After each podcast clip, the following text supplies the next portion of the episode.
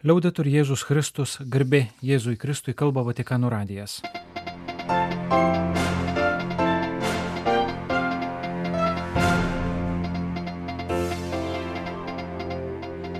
Malonus klausytojai šioje programoje. Popiežiaus Pranciškaus audiencija Italijos biblistų draugijai. Pristatytas naujas tyrimas apie karo metu Romos vienuolynuose išgelbėtus žydus. Popiežiaus valstybės sekretorius Ukrainiečių ganytojų sinode. Tegul jūsų tauta gyvena oriai ir laisvai. Ukrainos mokyklose prasidėjo mokslo metai. Deja, dalis vaikų į jas niekada nebeateis.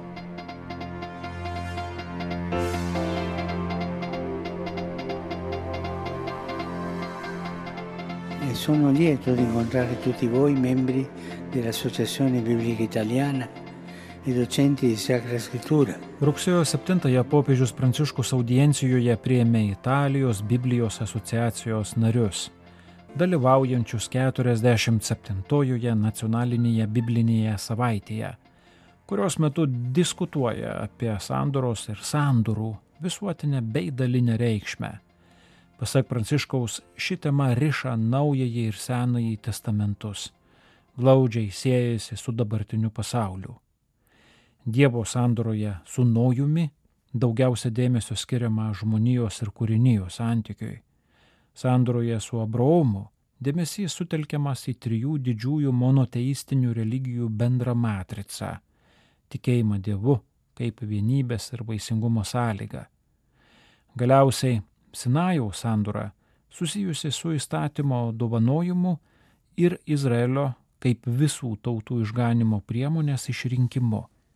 Šios trys sandoros susiję su konkrečiu laikotarpiu, konkrečiais asmenimis, bet tuo pat metu kalba apie Dievo meilę visai žmonijai. E. Nojaus sandora aiškiai kalba apie žmogaus ir kūrinijos santyki. Pasakojime apie tvaną Dievas nepykantos ir smurto nuniokotai žmonijai sugražina viltį ir išganimą per patriarcho teisingumą, kuris apima ir aplinkos matmenį, pagarbą kurėjo rankos įrašytiems ritmams. Niekada neatšaukta sandora su naujumi šiandien skatina nusaikiai ir polygiai naudotis gamtos ištekliais. Sandora su Abraomu yra svarbi visoms trims didžiosioms monoteistinėms religijoms. Bendras tikėjimas į vieną Dievą skatina gyventi kaip broliams. Tai iš ties svarbus pašaukimas karų ir mirties draskomame pasaulyje. Trečiosios sandoros metu Dievas išsirinko Izraelio tautą ir dovanojo jai įstatymą. Tačiau Dievas visada renkasi ne kad ką nors išskirtų, bet kad pasiektų ir apriektų visus, kad didintų visuotinį gėrį. Tikintieji turi nuolatos saugotis paguntos kasti apsauginius griovius ir statyti užtvaras tarp savęs ir kitų žmonių ar tautų. Dievo trokštamos žmonių ir Dievo tautos vienybės sąskaita, pažymėjo popiežius Pranciškus.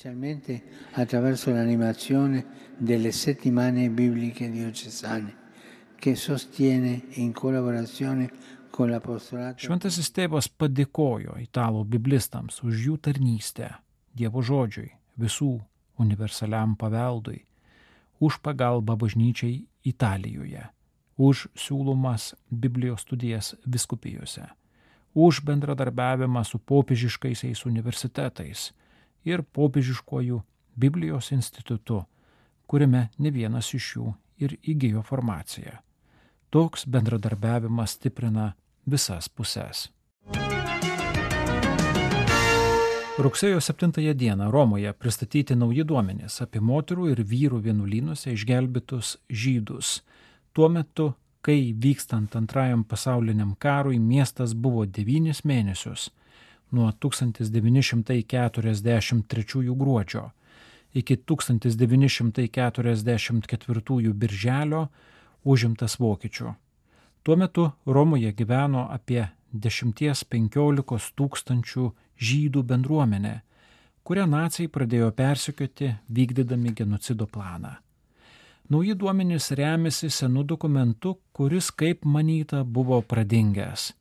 Tai popiežiškojo Biblijos instituto ekonomo jezuito Godzolino Birolo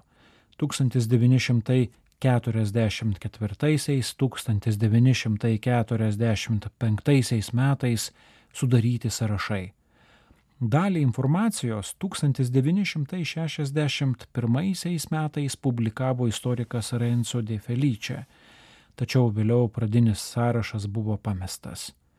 Paminėtina, kad karo metu Biblijos institutui vadovavo jėzuitas biblistas Augustinas Beja, 1959 paskirtas kardinolu ir labai reikšmingai prisidėjęs prie Vatikano antrojo susirinkimo deklaracijos apie bažnyčios santykius su nekrikščioniškosiomis religijomis, įskaitant žydų, Nostra etate prieimimo.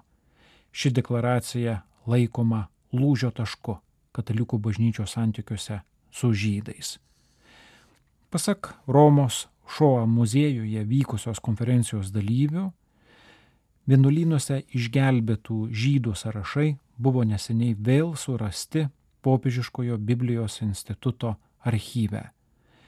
Tada buvo suformuota istorikų, įskaitant Izraelio Jadvašemo muziejaus holokausto tyrimų skyriaus direktorių, Romos žydų bendruomenės istorikos ir Biblijos instituto akademikos, šios srities žinovų komanda, kuri kritiškai ištyrė dokumentą patvirtino seniau pristatytus duomenis ir pateikė naujus.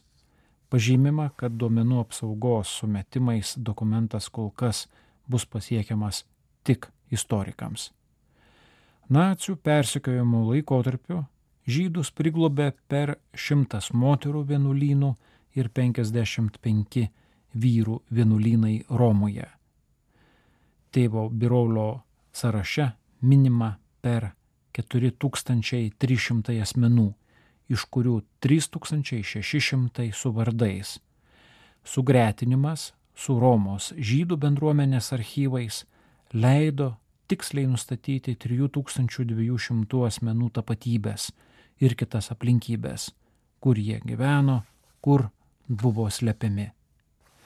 Pridurima, jog nacijų okupacijos metu Romos žydų bendruomenė neteko dviejų tūkstančių narių, įskaitant šimtus vaikų, kurie buvo deportuoti arba nužudyti. Rugsėjo 3-13 dienomis Romoje vykstančio Ukrainos graikų katalikų bažnyčios viskupų sinodo dalyvius aplankė keli šventojo sosto institucijų vadovai, skaitant popiežiaus valstybės sekretorių kardinolą Pietro Paruliną kuris perskaitė pranešimą antrąją posėdžių ir diskusijų dieną. Priminęs, kad ryšys tarp Kievo ir Romos užsimesgė jau X amžiaus pabaigoje, kardinolas Parolinas padėkojo už Ukrainos graikų katalikų bažnyčios vienybę su šventuoju sostu.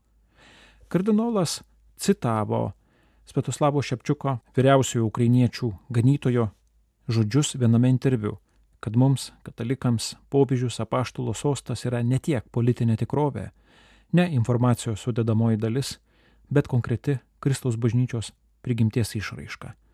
Esame katalikai ne todėl, kad Pranciškus yra popiežius. Esame katalikai ne todėl, kad popiežius tinkamai ar netinkamai pasisako tarptautiniais klausimais. Esame katalikai nes tikime, kad apaštalui Petrui, apaštalų kolegijoje ir apaštalo Petro įpėdiniams bažnyčioje tenka ypatingas vaidmuo už mūsų bažnyčios vienybę su Petro įpėdiniu sumokėjome labai didelę kainą, sumokėjome savo krauju, mūsų kankinių ir tikėjimo išpažinėjų, persikėjimų bei kančių šimtmečiais.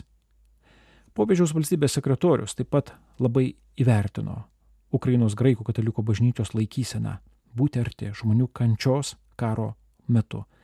Tokiu būdu atsakant į esminį klausimą, kaip tokiomis aplinkybėmis būti bažnyčia tragiško karo, kurį sukėlė Rusijos agresija prieš Ukrainą, kontekste jūs neapsiribojote teoriniais teologiniais samprotavimais, bet pasinerite į konkrečius dalykus, ieškodami naujų silovados būdų būti arti tikinčiųjų ir visų Ukrainos žmonių, nepriklausomai nuo jų religinių įsitikinimu, kad užgydytumėte jų žaizdas, sakė kardinolas Parulinas.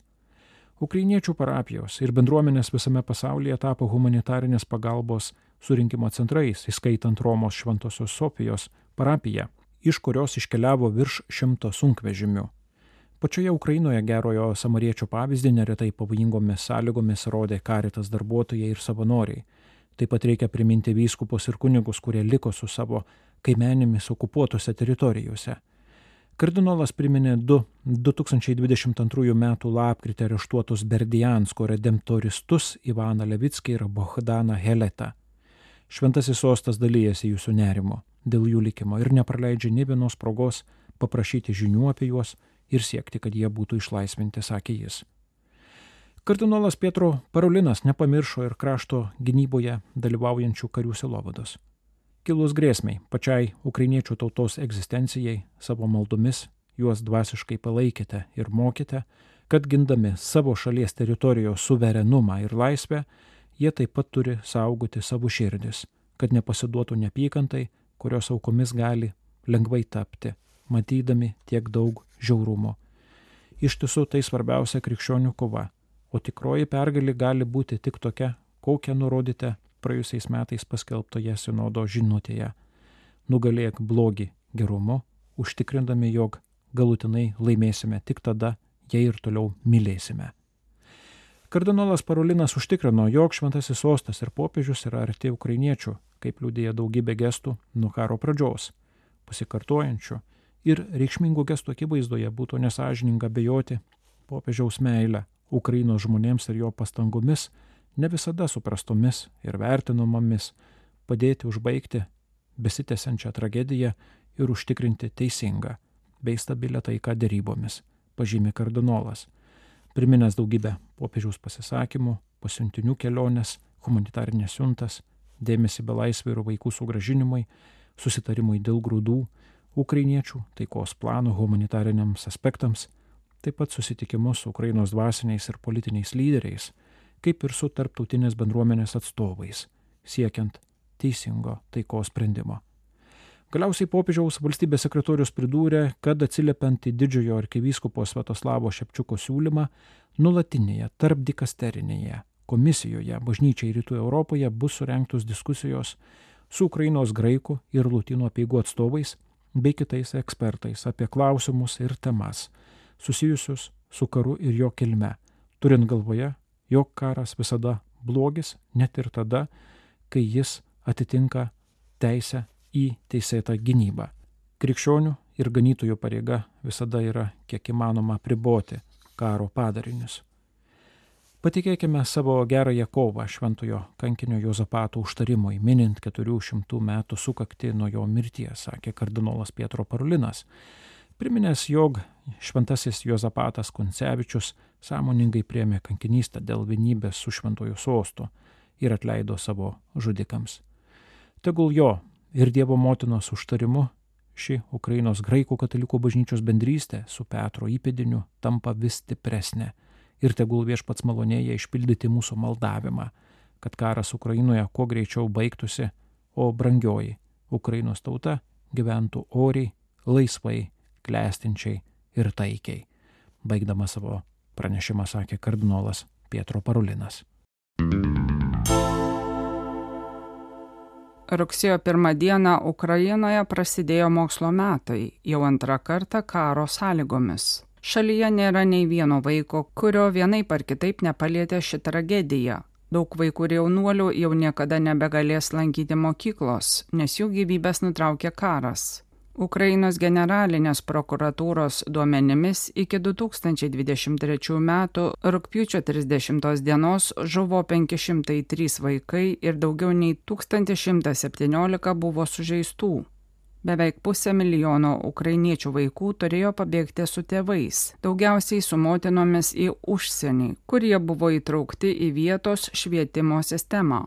Tiems, kurie liko namuose, dabar tenka susitaikyti su tuo, kad Rusijos raketos ir toliau krenta į jų šalies žemę, negailėdamos nei vaikų darželių, mokyklų ar universitetų. Nuo Maskvos invazijos pradžios Ukrainoje nukentėjo 3389 mokyklos ir universitetai, apgadinti pastatai, iš kurių 361 buvo visiškai sugriautas. Nepaisant visko, daugelįje Ukrainos mokyklų ir universitetų prasidėjo nauji mokslo metai. Po ilgo mokymosi nuotoliniu būdu dėl pirmosios koronaviruso pandemijos, o vėliau ir dėl karo, dabar vaikai nori eiti į mokyklą, susitikti su bendramžiais, bendrauti gyvai. Interviu Vatikano žiniasklaidai sakė Ukrainos graikų katalikų bažnyčios švietimo skyriaus vadovas Salezietis kunigas Petro Maiba. Jis primena, kad yra ir prioritetinis saugumo klausimas, kur įmanoma vaikai eis į mokyklą,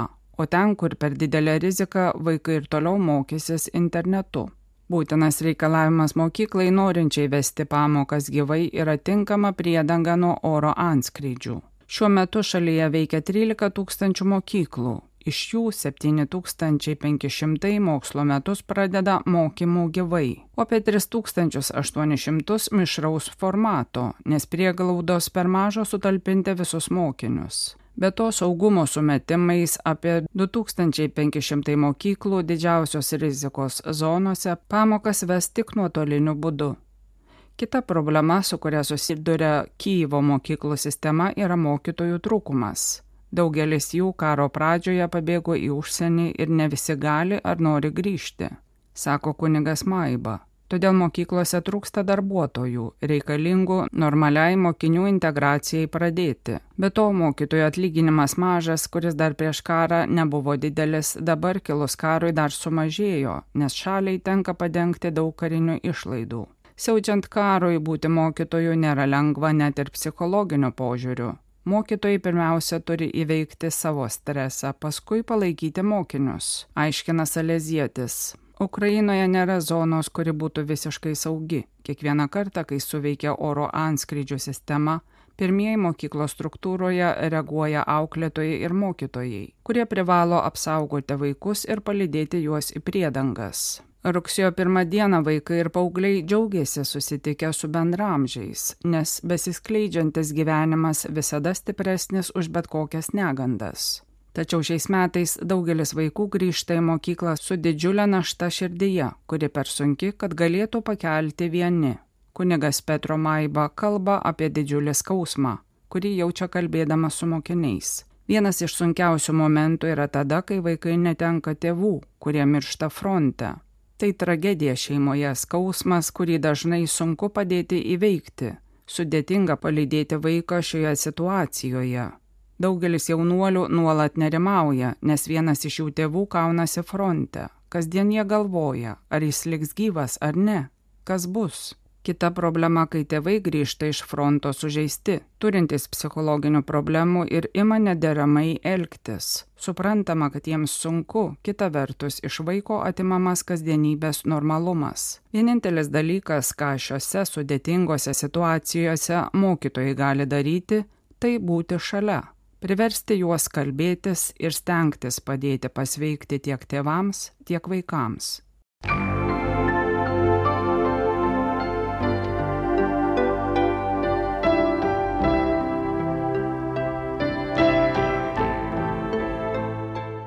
Malonus klausytojai laidą lietuvių kalbą baigiame. Kalba Vatikano radijas. Garbė Jėzui Kristui, liaudai turi Jėzus Kristus.